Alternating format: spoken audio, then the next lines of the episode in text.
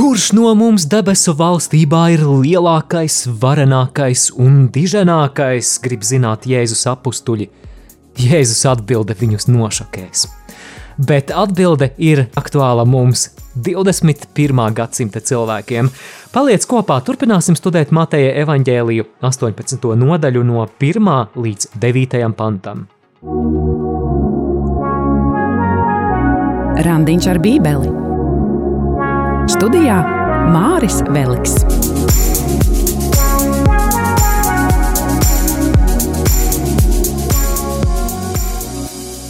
Dieva tēva un dēla un svētā gara vārdā Āmen. Mīļais Dievs, mēs Tev pateicamies par šo privilēģiju iedziļināties Tavā vārdā. Kungs, mēs lūdzam, lai Tava vārda studijas mūs pārveido, lai tās tuvina mūs Tev, lai tās veido mūsu domāšanu, mūsu vērtības, mūsu pārliecības. Un mēs lūdzam, lai Tavs svētais gars šī raidījuma laikā darbojas pie mūsu sirdīm spēcīgi. Jēzus Kristus vārdā - Āmen! Svētais Matei lūdz par mums! Dieva tēva un dēla un svētā gara vārdā - Āmen!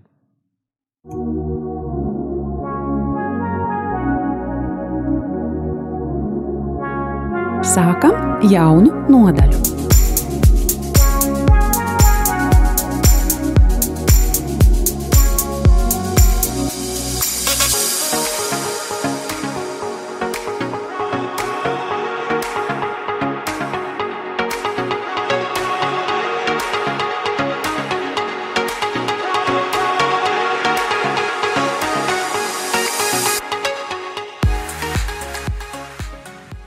Mīļais randiņa ar bībeli klausītāji, ja tev ir iespēja šī raidījuma laikā sekot līdzi savā bībelē, tad atšķir Mateja evaņģēlija 18. nodaļu. Šoreiz studēsim tikai 9 pantus, tātad no 1. panta līdz 9. pantam, bet mācība, kuru mēs gūsim, ir noteikti, noteikti aktuāla arī šodien. Bet ja tev nav iespēja sekot savai bībelē līdzi, tad par to nejūties vainīgs. Ja tu esi pie stūres, ja tu šobrīd mazgā traukus un klausies šo raidījumu, vai dari kādus citus mājas darbus. Šīs raidījums tev labāk palīdzēs iepazīt Dieva vārdu, un es ceru, ka raidījumā dzirdētājs vēlāk palīdzēs arī tavā privātajā randiņā ar bībeli, lasot šo tekstu, vairāk saprast tā jēgu, un es esmu pārliecināts, ka tavā privātajā randiņā ar bībeli Dievs uz tevi runās vēl vairāk. Bet sākam ar Mateja evaņģēlija 18. nodaļas pirmo pantu. Tanī pašā stundā mācekļi gāja pie Jēzus un sacīja, kas gan ir lielākais debesu valstībā? Kurš no mums ir labāks, kurš no mums ir krutāks, kurš no mums ir efektīvāks? Man šķiet, ka tāds ir bijis kādā dzīves momentā ikviena cilvēka kārdinājums. Ja mēs aizejam ciemos un mums pasniedz vakariņas, mēs ēdam un varbūt pie sevis klusībā domājam, hmm, es šīs kotletes būtu sagatavojis daudz labāk. Vai arī pretēji, ja tās kotletes ir izcilas kā pietzvaigžņu restorānā, mēs jūtamies nepatīkami, mēs jūtamies mazliet skaudīgi, greizsirdīgi par to, ka kādam citam sanāk labāk. Mēs konkurējam dažādās jomās, un reizēm šķiet, ka mūsu pašapziņu apstiprina tā sajūta, ka es par citiem esmu labāks. Nu, lūk, Jēzus mācekļi arī nav nekāds izņēmums. Viņi jautā, kas tad ir lielākais debesu valstībā? Tā kā te ir rakstīts, ka tajā pašā laikā mācekļi gāja pie Jēzus un vaicāja šo jautājumu, mēs varam noprast, ka diskusijas par šo tēmu norisinājās jau iepriekš. Ļoti iespējams, ka viņi bija savā starpā pamatīgi izstrīdējušies, un katrs piedāvāja savus kritērijus, kas tad raksturo lielāko debesu valstībā. Dažiem mācekļiem patiešām būtu ar ko lepoties. Atcerēsimies, ka iepriekšējā Mateja evaņģēlija nodaļā, proti 17. nodaļā, mēs lasījām par Jēzus apskaidrošanos kalnā. Kas ar Jēzu vēl atradās šajā kalnā? Vai tie bija visi 12 apstuļi? Nē, tikai trīs pietuvināto apstuļu pulciņš. Apostolis Pēteris, apostolis Jēkabs un apostolis Jānis, un viņi ierauga Jēzu tādā veidolā, kādu neviens no pārējiem apustuļiem nav redzējis. Pārējie apustuļi pa to laiku lejā no kalna neveiksmīgi mēģina izdzīt ļauno garu no kāda zēna. Vai tas nav iemesls justies pārākiem? Vai atkāpsimies vēl vienu nodaļu atpakaļ, 16. nodaļā, Jēzus apustulim Pēterim sniedz īpašu, īpašu apsolījumu, ka tu esi Pēteris un uz šīs klinces celšu savu baznīcu, un Elles vārti to neuzveiks. Mateja 16. nodaļas 18. pants. Nu vai šī nav īpaša liela uzslava no Jēzus, un vai tas nav pamats lepoties un justies, ka tu esi vislielākais, viskrutākais, visdiženākais debesu valstībā? Interesanti, ka mēs varam piedzīvot šādu konkurenci un greizsirdību arī garīgās lietās. Nevelti svētā gara litānijā ir šie vārdi, kas skan apmēram tā, ka no skaudības par dieva žēlastību tuvākajam Atpestī mūs, kungs! Jā, skaudība par dieva žēlastību tuvākajam, kas izriet no mūsu vēlmes būt mazliet augstākā līmenī par pārējiem. Nu, vai tad kaut kādā ziņā nesilda sirdi apziņa, ka tu lūdzies dievbijīgāk, ka tu jau pieņem komuniju cienīgāk, ka tu jau labāk izproti dieva vārdu un citas lietas, ka mims ap tavu galvu ir mirdzošāks nekā tavam kaimiņam. Atslēga visā šajās lietās, vismaz mūsu cilvēciskajā izpratnē, parasti ir būt lielākam, labākam, stiprākam, diženākam, panākumiem bagātākam, efektīvākam. Vai tāpat domā Jēzus? Atbildē, ko Jēzus sniedz saviem mācekļiem, viņš mācekļus noteikti atstāja mēmus, šokēja.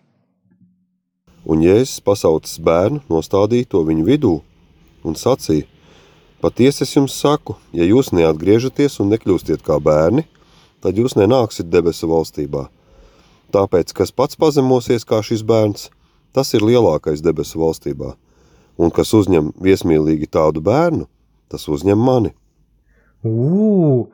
Jēzus mācekļu prātus nodarbināja doma, kurš no viņiem ir lielākais debesu valstībā, Taču tagad pēc šīs atbildes Jēzus mācekļi vairs nav pārliecināti vispār par savu vietu debesu valstībā. Jēzus teica, patiesi, ja jūs nemaināties un netopat kā bērniņi, jūs neieiesiet debesu valstībā. Mēģināsim saprast, ko tad nozīmē būt kā bērniņam.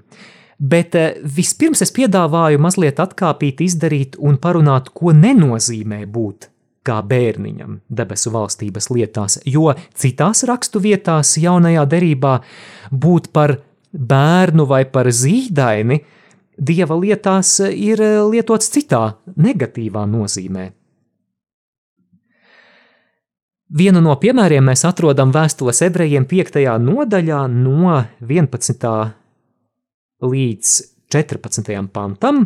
Es tūlīt arī to nolasīšu. Uh, Bet uh, vispirms mazliet konteksts. Šeit vēstules ebrejiem autors pārmet saviem lasītājiem, ka viņi izpratnē par dieva atklātajām patiesībām ir zīdaiņa līmenī, ka viņi ir gatavi tikai tām elementārākajām ticības pamatpatiesībām, nu, šodien teiksim, mazajam katehismam, un nav gatavi nekam vairāk.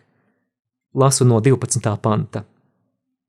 Laika ziņā jums gan pienāktos jau būt par skolotājiem – bet kādam atkal jums ir jāmāca dieva mācības pamatpatiesības.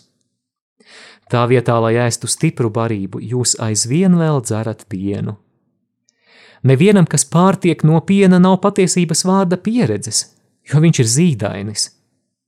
Bet pieaugušajiem pienākas stipra barība, jo tie ir ievingrinājuši uztveres spēju atšķirt labu no ļauna.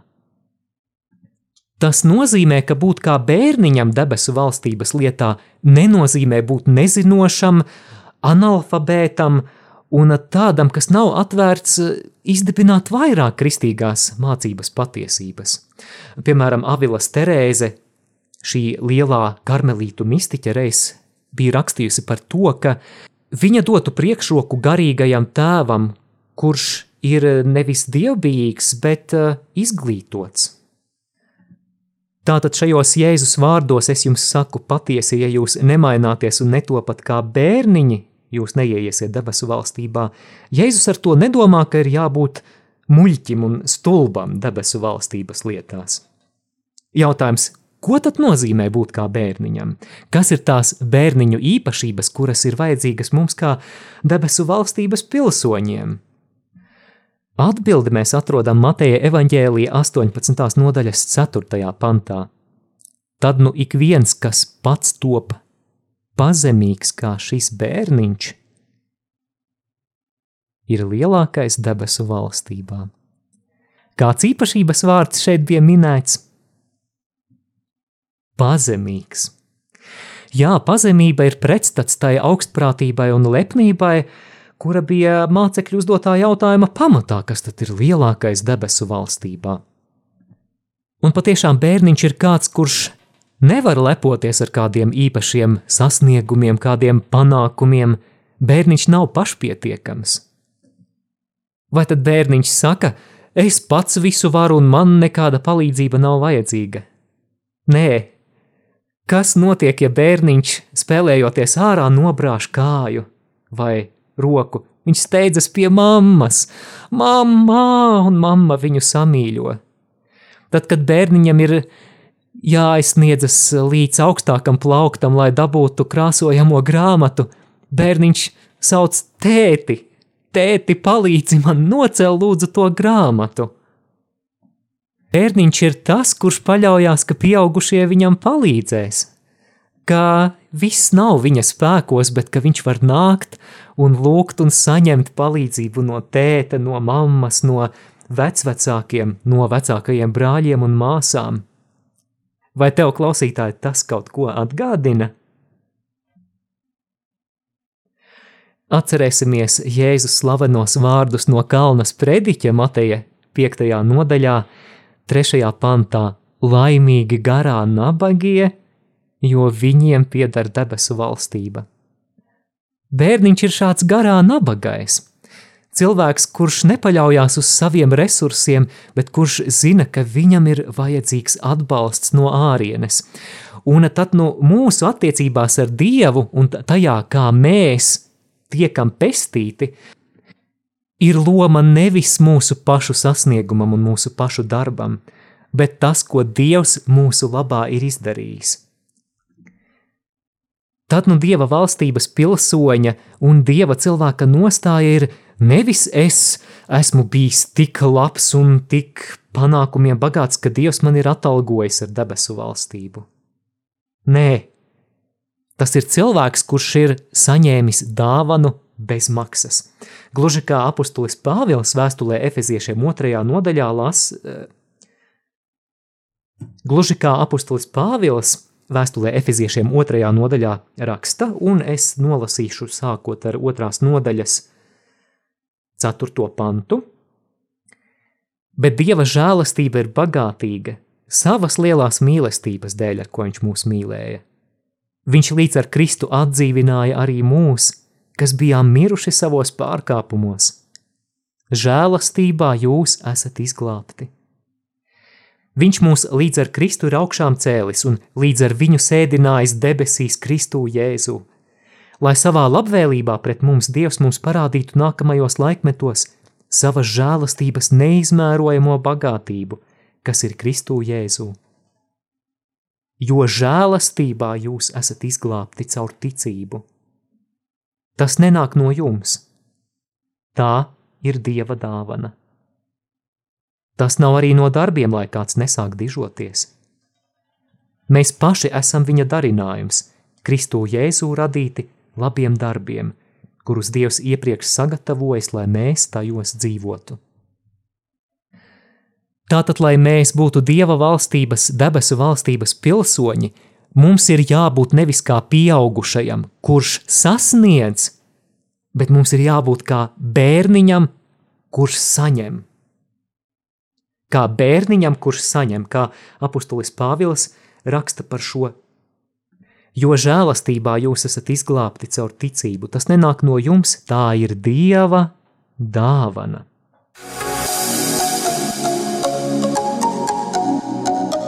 Skan randiņš ar bībeli.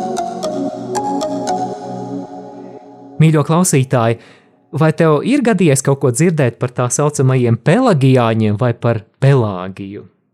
Es tev pastāstīšu. Reiz sen senos laikos, 4. un 5. gadsimtā pēc Kristus dzīvoja britu mūks un teologs Pelāgijs. Pelāgijs uzskatīja, ka cilvēkam piemīt pietiekams potenciāls, pietiekams gribas spēks, lai mēs varētu pilnībā izpildīt dieva gribu, lai mēs varētu negrēkot, un līdz ar to mēs varētu būt taisni dieva priekšā. Savukārt Svētais Augustīns, izcilais biskups, izcilais baznīcas tēvs, ļoti skarbi kritizēja šo pelāgija nostāju. Vēlāk arī pelāgija mācība, ko sauc par pelagiānismu, tika nosodīta kā maldu mācība. Svētie raksti un baznīca mums māca, ka mums, grēkā kritušajiem cilvēkiem, ir vajadzīga dieva žēlastība, lai mēs būtu glābti. Tātad nepelnīta dieva labvēlība, kas mūs attaisno dieva priekšā, pateicoties tam, ko ir izdarījis Jēzus Kristus. Šāda nostāja, atgriežoties tagad pie Jēzus vārdiem par bērniņu, mums pieprasa būt par pazemīgiem saņēmējiem, par tiem, kas sagaidām no augšienes. Tad nu ik viens, kas pats top pazemīgs kā šis bērniņš, ir lielākais debesu valstībā. thank you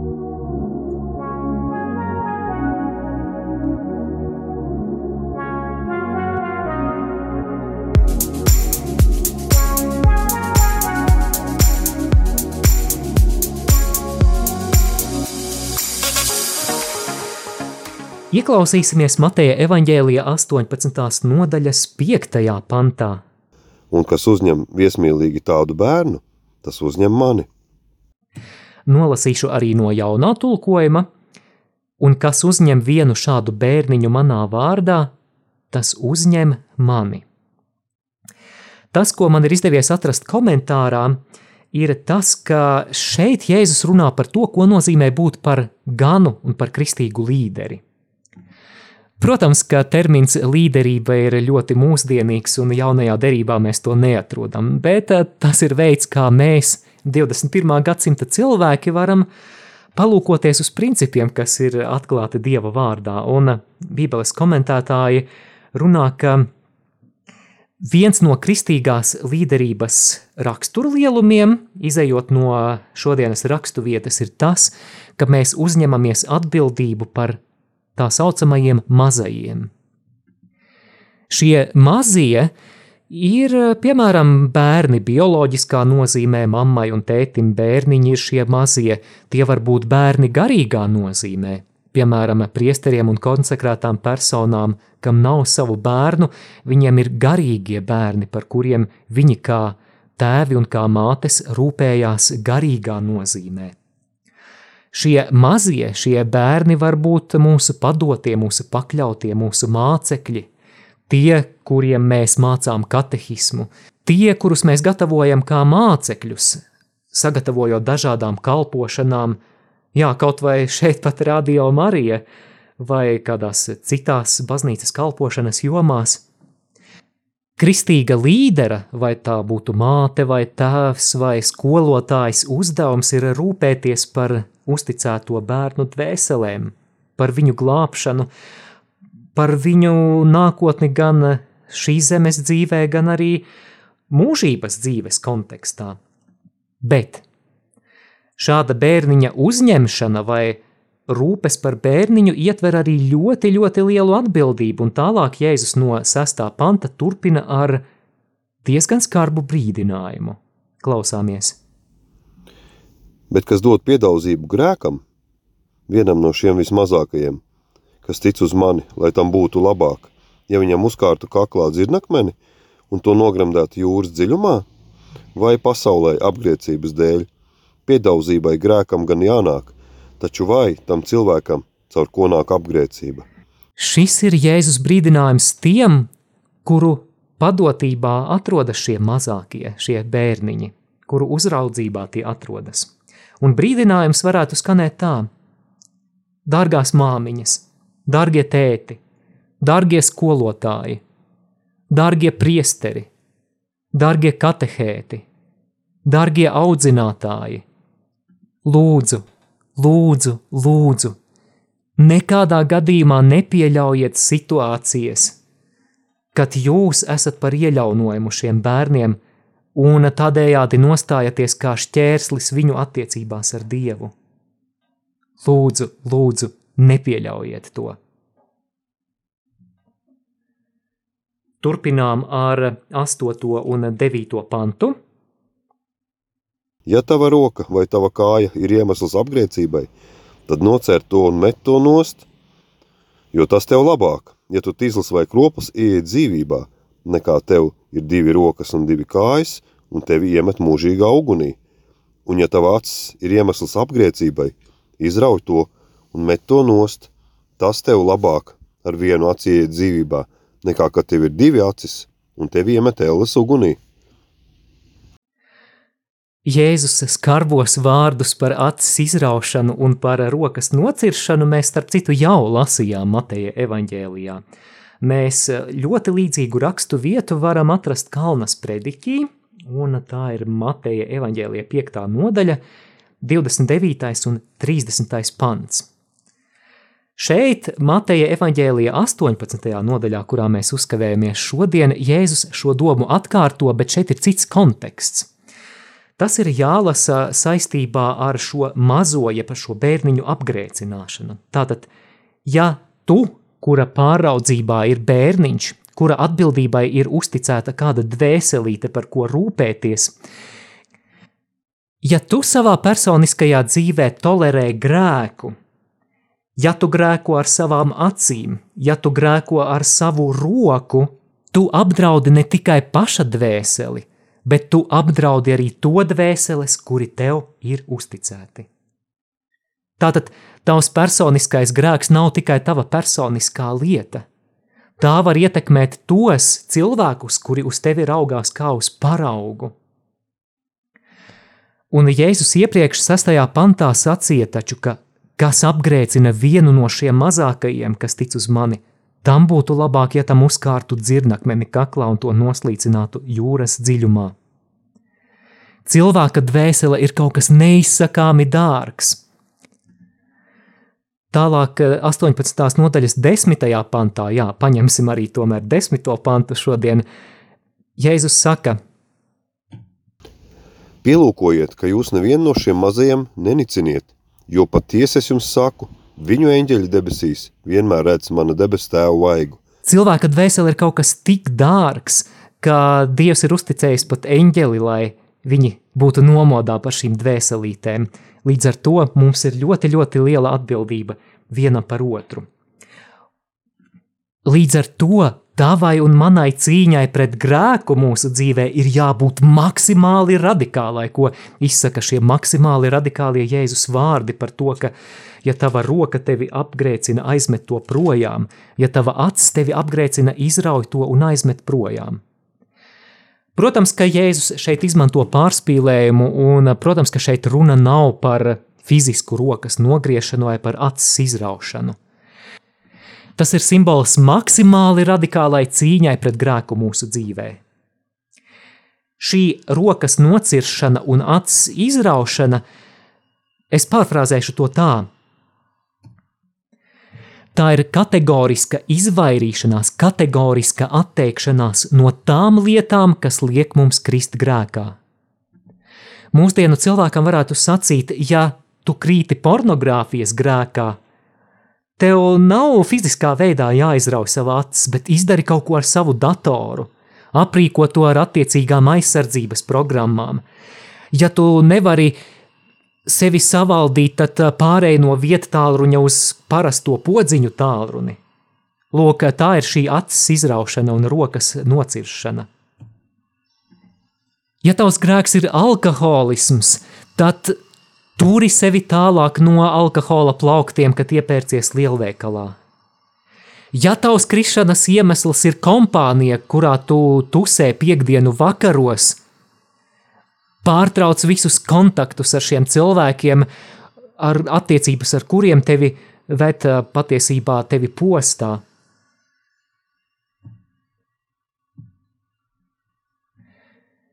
Ja tev ir problēma neatdot tās lietas, ko kāds tev ir aizdevis, neaizņemies. Ja tu esi impulsīvs un tev ir tendence kliegt uz savu sievu, izēj ārā un saskaiti līdz simtam, un tad nāc atpakaļ runāt. Ja tev ir tendence aprunāt, tad labāk vispār izvēlies nerunāt par šo cilvēku, maini tematu un runā par pankūku receptēm vai par uh, tulpju stādīšanu dārzā. Ja tava problēma ir melošana, dzīve pastāvīgos melos, tad uh, aizej un atrodi labu psihoterapeitu un izej terapiju un tiec galā ar tām problēmām, kas ir pamatā šai lietai. Lūk, ko nozīmē nocirst roku un izraut aci. Jēzus 9. pantā saka, labāk tev viena cainam ieiet dzīvībā, nekā ja tev ir abas acis un tu tiec iemests elles ugunīs. Labāk vienacainam ieiet dzīvībā nozīmē labāk dzīvot bez datora, ja dators tevi apgrēcina. Labāk dzīvot bez vietāluņa, nekā ja vietālunis ir iemesls kritienam grēkā. Labāk vispār atturēties no alkohola, ja vienmēr tas beidzas ar nožēlojumu piedzeršanos un pamošanos grāvī. Labāk iekost sev mēlē, nekā graut kāda cilvēka reputāciju caur aprunāšanu.